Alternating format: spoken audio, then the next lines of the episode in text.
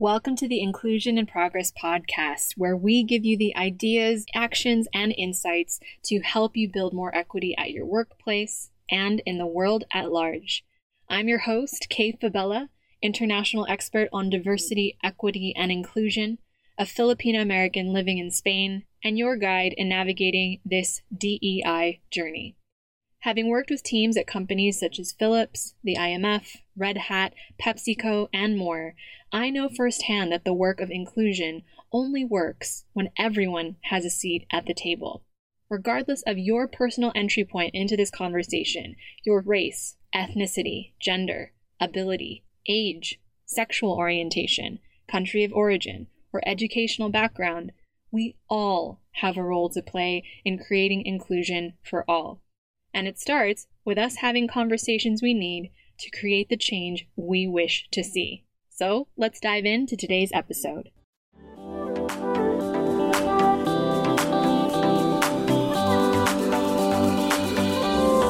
Hey, hey, hey, it's Kay here, and welcome back to Inclusion in Progress.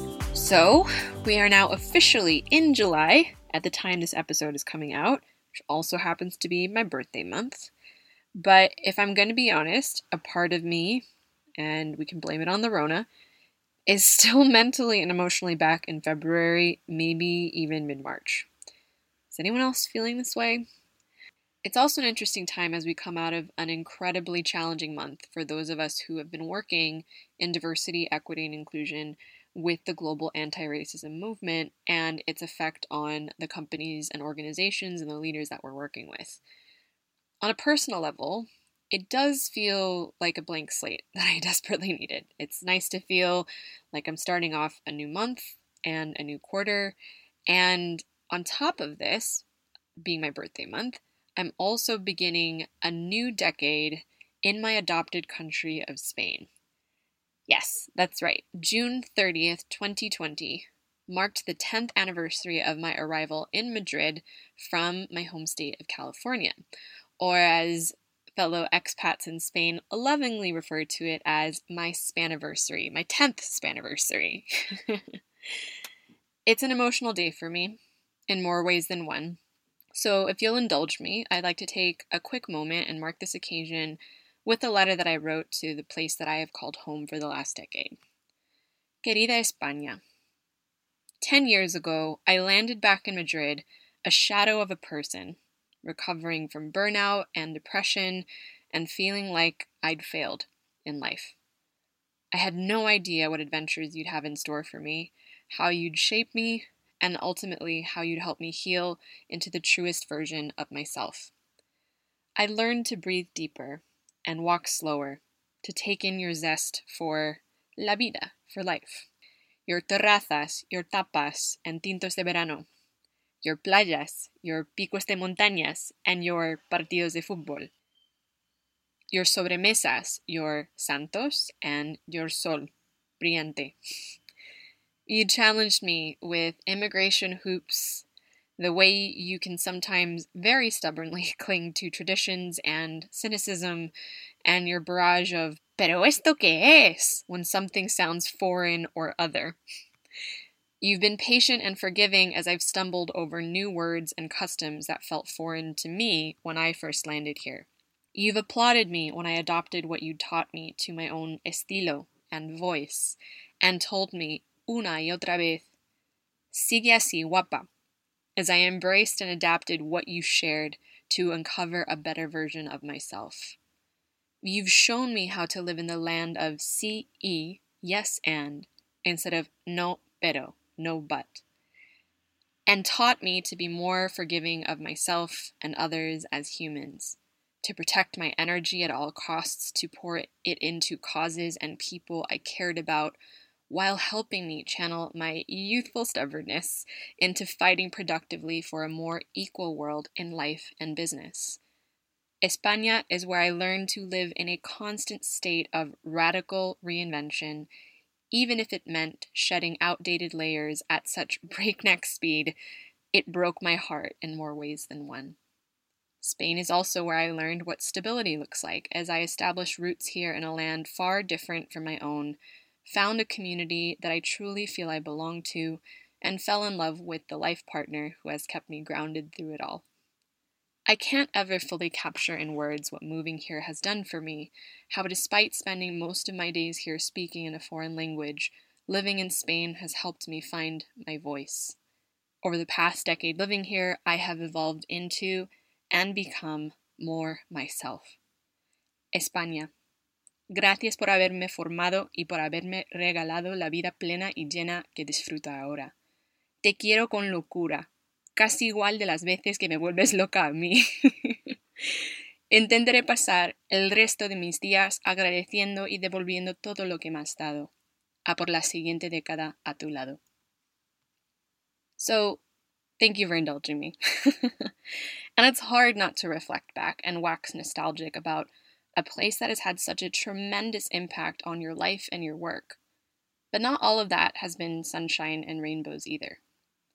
I've shared on early episodes of this very podcast that Madrid was the first place I experienced outright discrimination as someone who most Spaniards physically identify as Chinese or China.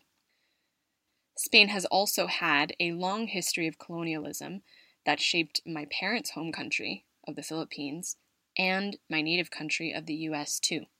And as it turns out, it was here in Spain that the first codified version of racism in history was created in Toledo, a stone's throw away from my adopted city of Madrid. According to Atlas Obscura, racism was not a new concept, but it had never been formally documented to the extent it was in Toledo in the 15th century. This would later serve as the basis for a lot of the racism dialogue that we know about today. The Estatutos de Limpieza de Sangre, or the Statutes of Blood Purity, were written in Toledo in 1449 as a political excuse to discriminate against the new Christian converts or conversos from the Muslim or Jewish religions. A commonly leveled accusation was that these new Christians were false converts, secretly practicing their former religion as crypto Jews or crypto Muslims. Nevertheless, the concept of purity of blood came to be more focused on ancestry than of personal religion. The first statute of purity of blood appeared in Toledo, Spain, 1449, where an anti converso riot succeeded in obtaining a ban on these conversos and their descendants from most official positions.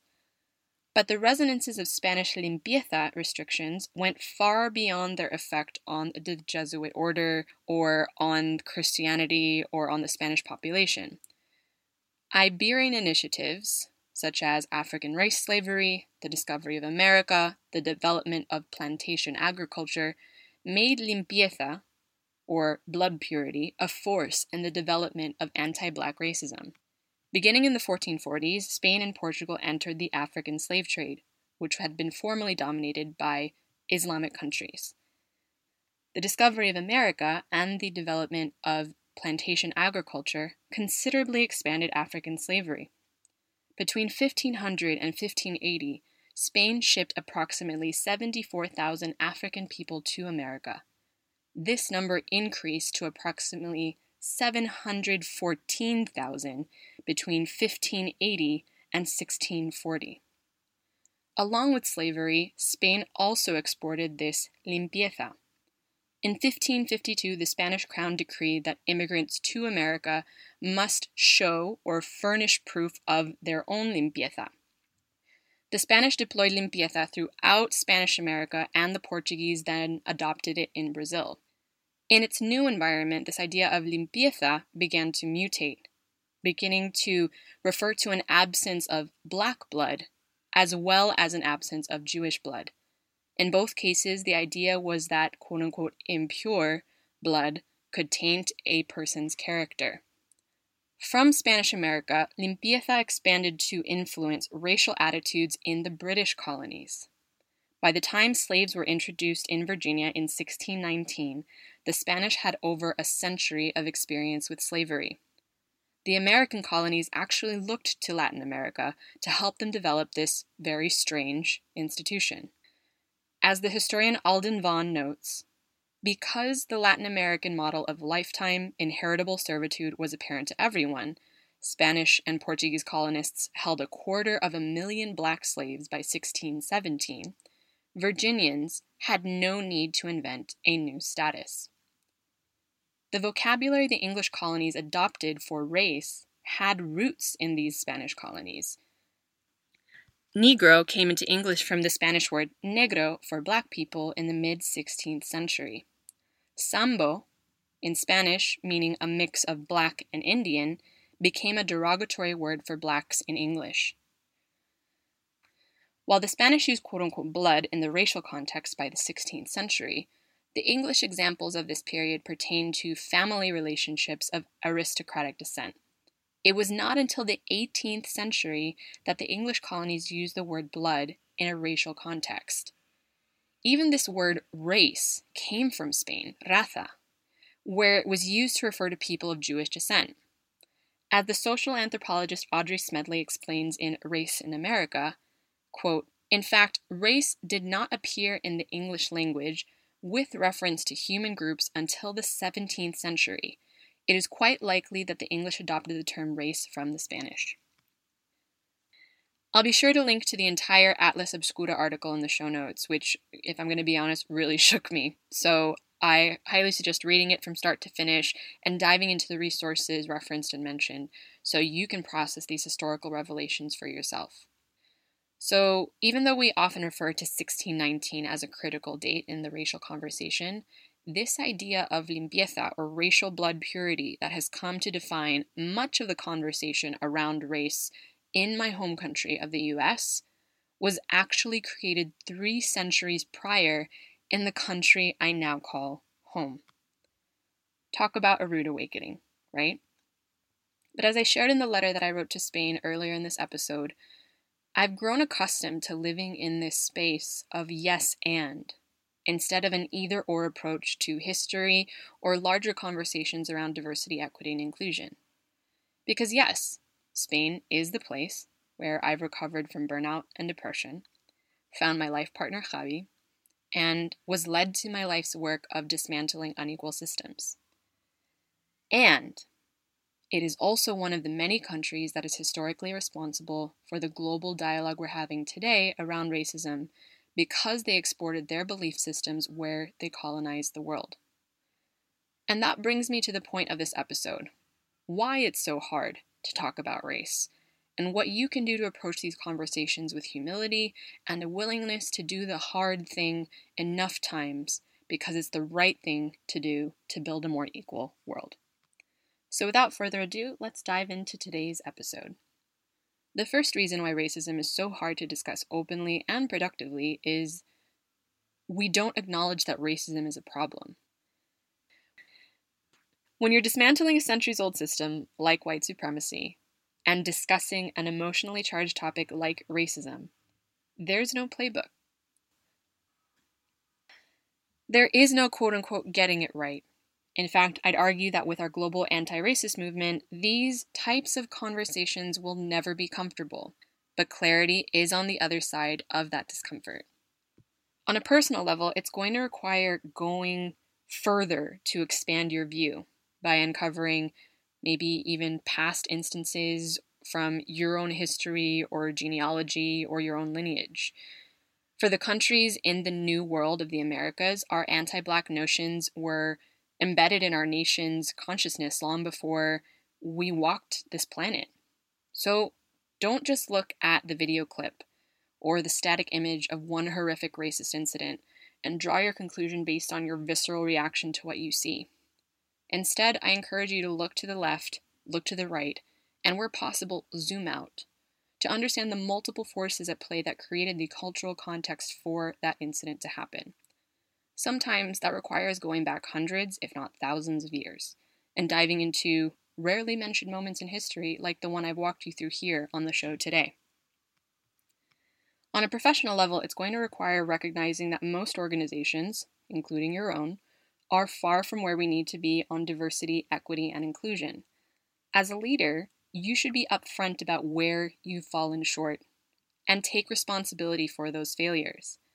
Every day, I'm either reading about or interacting directly with employees of color at companies who've historically struggled with racial bias.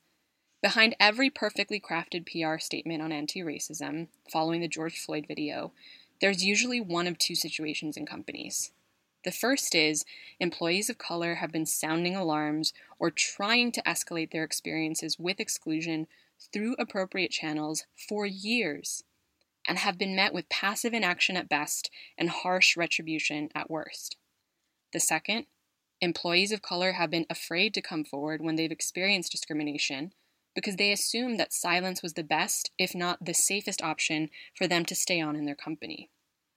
Moving forward, organizations must accept accountability for creating the environment that has shaped either of those situations and commit in clear and specific language to the strategies that they'll be implementing to create a more inclusive company culture where all talent, especially minority talent, feels seen, heard, and supported.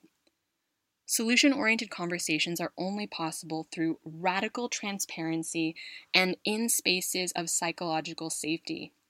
That requires openly acknowledging that bias and discrimination is a long standing problem that goes beyond the walls of your work or home office. And from that place, deciding what you want to do next to fix or change it. The second reason it's hard to talk about racism at work is this we're not creating spaces to have these courageous conversations in the first place. Companies were shaped by the same social, historical, and cultural systems that placed us on unequal playing fields to begin with. Meaning, organizations were designed as an extension of the very same power dynamics that straight white men held for centuries. Which meant that for years inside our organizations, conformity was favored over diversity, productivity was favored over humanity, and the further you were away from the straight white male central standard of culture fit, the harder you had to work to be accepted by the company you worked for. So, the skills that humans need to navigate uncomfortable conversations on topics like race, skills like vulnerability, empathy, critical listening, and compassion, are often non existent in company cultures. In a 2017 study by the US based Center for Talent Innovation, it was determined that more than a third of Black and Asian workers surveyed do not feel that their workplace is conducive to conversations about race.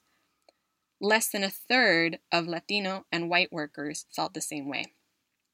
All told, 28% of white workers, 28% of Latinx workers, 36% of Asian workers, and 38% of black workers surveyed feel they cannot talk about race at work. Those numbers are pretty abysmal. The tragic police killings of black people like George Floyd and Breonna Taylor were not isolated incidents. They are far from the first incidents of violence, and, at the time of this recording, have not even been the last publicized examples of deaths of black lives at the hands of law enforcement. It just so happened that the incidents of June 2020 that sparked our global anti racism movement forced companies to acknowledge that black employees simply can't separate work and home life, especially when they see their communities' lives threatened time and time again. In fact, research on highly publicized acts of violence against people from marginalized groups confirms that such events are likely to trigger heightened levels of fear, anxiety, grief, and anger in members of the targeted group, which will, of course, inevitably spill over into their working lives. And so, another important way to encourage ongoing dialogues about race is for leaders to keep acknowledging world events as they impact people at your company. In our post pandemic world, where the lives of home and work were blurred so significantly, it's no longer possible for some people to leave what's happening in the world at home. Your responsibility as a leader when current events are happening is to address it head on even if it only directly affects some of your employees. And that requires you to create safe spaces for your team members and colleagues where they can openly share what they're feeling with you when they are affected by situations beyond their control.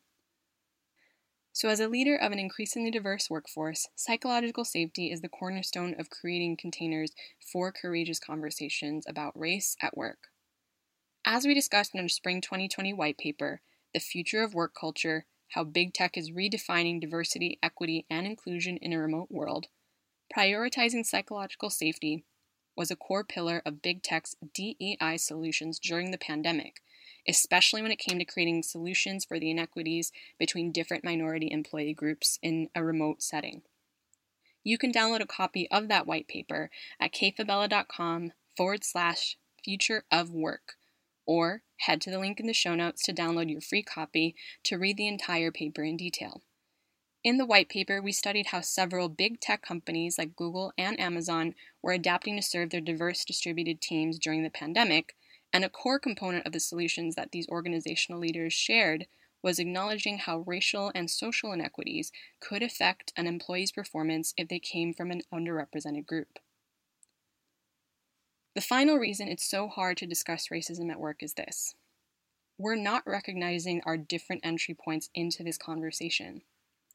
So, one of my favorite tools for discussing racism is Glenn Singleton's framework from his book, Courageous Conversations About Race. Though Singleton's work is focused on change within the educational system, the resources and insights he shares are just as valuable for leading conversations about racism in our companies. He uses a very helpful visual reference called the Courageous Conversations Compass, which I often use in my corporate workshops, and which I'll do my best to describe here in audio format here on the podcast. So imagine a compass. In the upper left or northwest corner is the moral entry point into the racism conversation.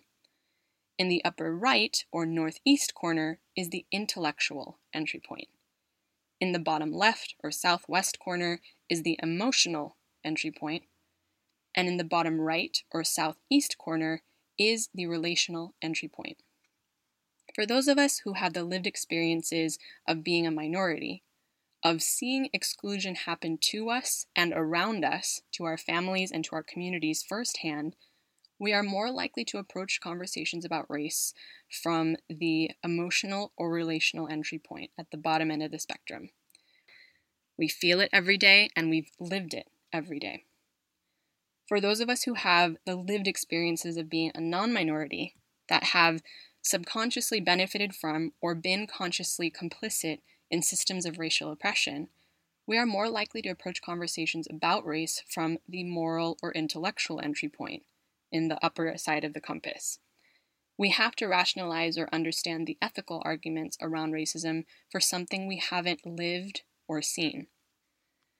The challenge, therefore, is to move away from anger or bitterness towards those who, quote unquote, got here late to the party, and instead towards acknowledging that these different starting points are valid, and therefore we must adapt our language to speak to different groups in a way that gets them to continue to take action. Ultimately, the desired outcome around courageous conversations about race is the same we want to get us to a place where these conversations can be had consistently and courageously to get to an anti racist solution on the other side. As Singleton says, wherever you enter is perfect, and everyone is entering from their own place. You're not in this training to reference yourself or another person or another group of people. You are referencing yourself from where you begin to where you end.